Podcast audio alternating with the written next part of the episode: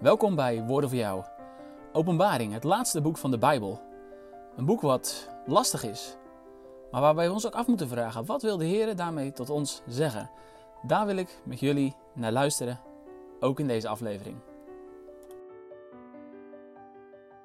Welkom bij deze nieuwe aflevering over het boek Openbaring. Misschien is het de eerste keer dat je luistert, misschien heb je al vaker geluisterd. In alle gevallen hoop ik dat je ja, de Bijbel weer wat beter leert begrijpen en dat je daarmee ook de stem van de Heer leert verstaan. En dat ook uh, ja, ziet wat dat betekent voor je eigen leven. Een briefje uit de hemel. Wie zou dat niet willen krijgen? Ik hoor het ook heel vaak van leerlingen als ze nadenken over hun studiekeuze. Ik zou eigenlijk wel een brief willen krijgen uit de hemel waarin staat wat ik moet gaan doen. Nou, de gemeentes in het boek Openbaring, die kregen inderdaad een brief uit de hemel. En ja, dat waren brieven die heel eerlijk waren. De Heer Jezus die benoemde wat er goed ging, maar ook wat er fout ging. Ja, en wat zou de Heer Jezus schrijven in een brief aan jou? Of over jouw gemeente? Zou je zeggen, ja, hij, hij gaat netjes naar de kerk, maar eigenlijk mis ik de liefde. De liefde voor mij. Of zou je juist zeggen, ja, hij heeft me echt lief. Ik merk dat aan hem, ik zie dat aan hem. Maar hij maakt ook wel keuzes die niet goed zijn. want zo analyseert de Heer Jezus eigenlijk elke gemeente. En hij roept ze ook op om dingen te veranderen. En vandaag wil ik met jullie na gaan denken over de brief aan de gemeente van uh, Thyatire. Thyatire was een uh, plaats die ja, in die tijd niet zo heel erg uh, belangrijk was. Het was eigenlijk de gemeente, of een plaats waar heel veel handwerkers woonden. Dus je moet dan denken bijvoorbeeld aan Lydia de Purperverkoopster, die kwam uit Thyatire. dus zij maakte kleding, maar ook aan metaalbewerkers en ledenbereiders. Allemaal mensen die inderdaad in Thyatire woonden. En Thyatire, dat is het tegenwoordige Turkse stadje Akisar, wat wit kasteel betekent. En eigenlijk al die tijd heeft er een christelijke gemeente bestaan. En tot 1922, toen is die gemeente weggevoerd en later zijn ze weer uh, teruggekomen. Nou, en vandaag wil ik met jullie gaan luisteren wat de Heer Jezus zegt tot deze gemeente en daarmee ook tot ons.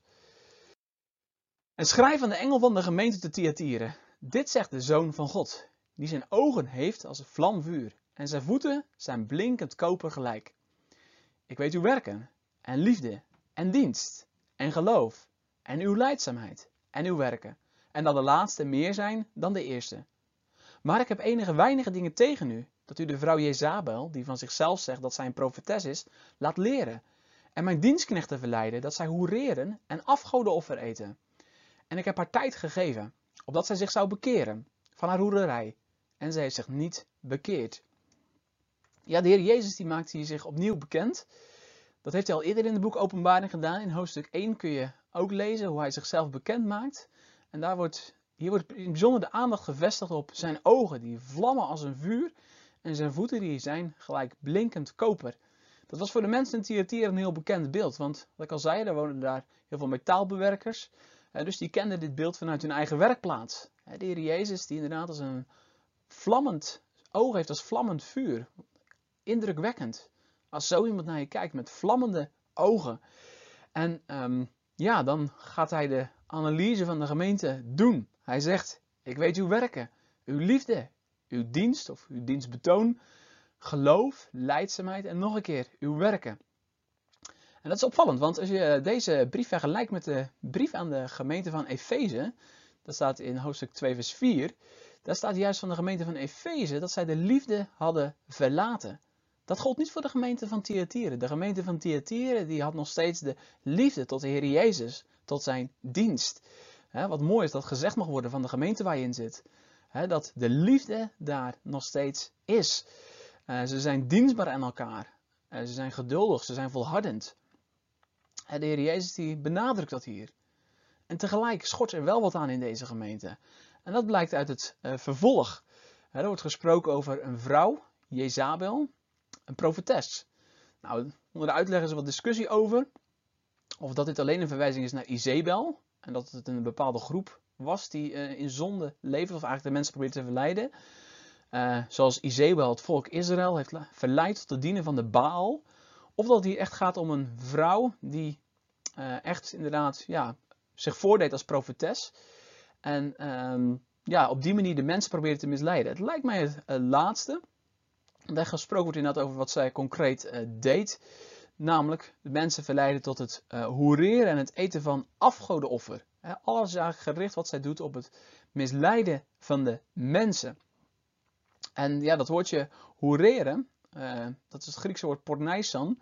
Nou, daar herken je iets in van het woordje porno wat wij vandaag nog kennen. Dus dat laat inderdaad ook zien dat het gaat ook om seksuele zonden die gedaan werden. En ja, dan staat er ook verderop in het boek Openbaringen, staat daar meer over. Uh, en dan met name ook op het punt dat ze dat wel gehoord hebben, ze hebben het geweten, maar ze hebben er niks mee gedaan. Dat kan dus gebeuren dat je de hoort van de Heer Jezus, dat je bepaalde zonden doet, maar je doet er niks mee. Je blijft ze gewoon doen. er staat hier in um, hoofdstuk 9. De overige mensen die niet gedood zijn door deze plagen hebben zich niet bekeerd van de werken van hun handen. En hebben zich ook niet bekeerd van hun doodslagen, noch van hun tovenarij, noch van hun hoererij. En komt datzelfde woordje weer uh, terug. Nog van het plegen van diefstal. Dus dat is ook een van de latere plagen die in het boek Openbaringen terugkomen. Dat de mensen zich niet bekeerd hebben. En dan staat er hier dat de Heer Jezus haar de tijd heeft gegeven om zich te bekeren. Om om te keren, om te veranderen. Eh, maar zij heeft zich niet bekeerd. Zij heeft volhard in haar zonde. Ja, en dan gaat de Heer Jezus ingrijpen. We lezen verder. Zie, ik werp haar te bed en die met haar overspel bedrijven in grote verdrukking, als zij zich niet bekeren van hun werken. En haar kinderen zal ik door de dood ombrengen, en alle gemeenten zullen weten dat ik het ben, die nieren en harten onderzoek. En ik zal u geven, en ieder naar uw werken. Maar ik zeg u, en tot de anderen die te Thyatire zijn, zoveel als zij deze leen niet hebben en die de diepte van de Satan niet gekend hebben, zal zij zeggen, ik zal u geen andere last opleggen, maar wat u hebt, hou dat, totdat ik zal komen. De Heer Jezus gaat ingrijpen. Hij werpt haar op het bed en degene ook die met haar overspel blijven. Je hoort inderdaad heel de, uh, ook de seksuele zondigheid, de seksuele losbandigheid in doorklinken. En um, ja, er zit wel een, nog een voorwaarde. Het lijkt toch nog wel een soort van kleine ontsnappingsroute. Als zij zich niet bekeren. Dus mochten ze zich alsnog bekeren, dan, is er, uh, dan zal de Heer Jezus niet straffen. Want uh, ja, die voorwaarde van bekering. Als je je bekeert, als je afkeert van de zonde, dan is er vergeving bij de Heer Jezus. En niet alleen zij zal gestraft worden, maar ook haar kinderen zullen zo door de dood omgebracht worden door de Heer Jezus. Wat een streng oordeel maar ook een terecht oordeel. Als jij de zonde niet doodt, zal de zonde jou doden. Dat is eigenlijk wat er hier omschreven wordt. En dan eh, geeft de Heer ook een waarschuwing aan alle zeven gemeentes.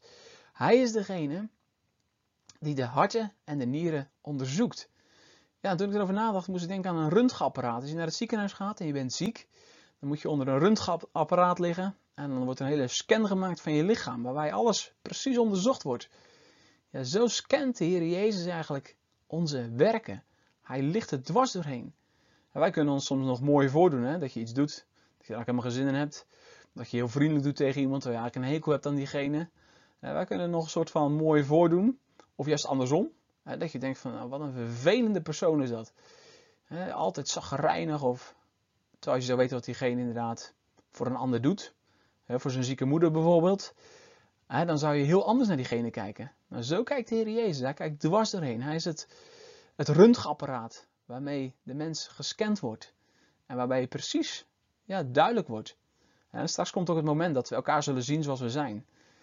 Dat zal ook een nieuw ontdekkend moment zijn, denk ik. Als alle gedachten openbaar worden, alles wat je ooit gedacht hebt over iemand, het zal openbaar komen. En dan zal de Heer Jezus ook geven naar uw uh, werken. Hij zal het uh, belonen. Uh, en tegelijk ook een, uh, een oproep, als je verder leest. Uh, want, of tenminste, er staat hier ook nog iets even, dat sla ik nu even over inderdaad in vers 22. Er wordt gesproken over de grote verdrukking die zij zal uh, krijgen. die grote verdrukking, die gaat soms inderdaad over de vervolging. Maar die kan dus ook gaan over de straf van de Heer Jezus, die gegeven wordt aan deze mensen. want in hoofdstuk 7, vers 14 staat er. Uh, deze zijn die uit de grote verdrukking komen. Uh, dus verdrukking kan ook iets hebben van straf, maar ook iets van loutering. Uh, dat is ook, ja, het komt allebei voor in het boek Openbaring. Nou, dan het laatste wat ik bij deze verse wil noemen. de andere mensen in de gemeente van Thyatira worden ook opgeroepen. ze zullen geen andere last krijgen. Ja, welke last is dat dan? dat is een vrij specifiek iets wat ik zelf ook niet wist.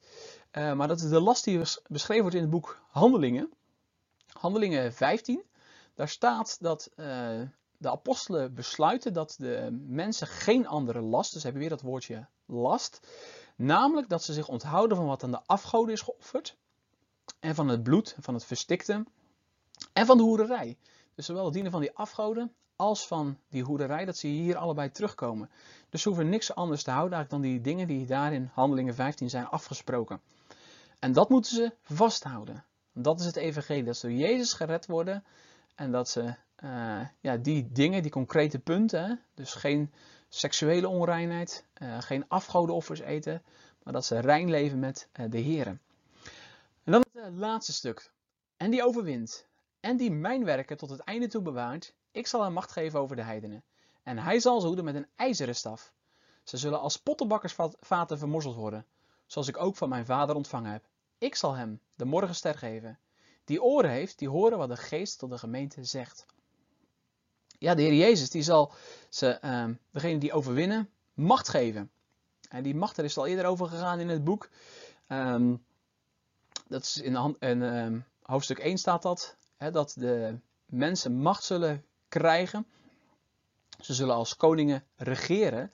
En de Heer Jezus die uh, geeft iets van die macht ook aan alle gelovigen. Ze zullen met hem regeren tot in eeuwigheid. En het betekent ook dat hij zijn vijanden zal vernietigen. Die kant zit er ook aan. zijn vijanden zullen vermorzeld worden. Een citaat uit Psalm 2.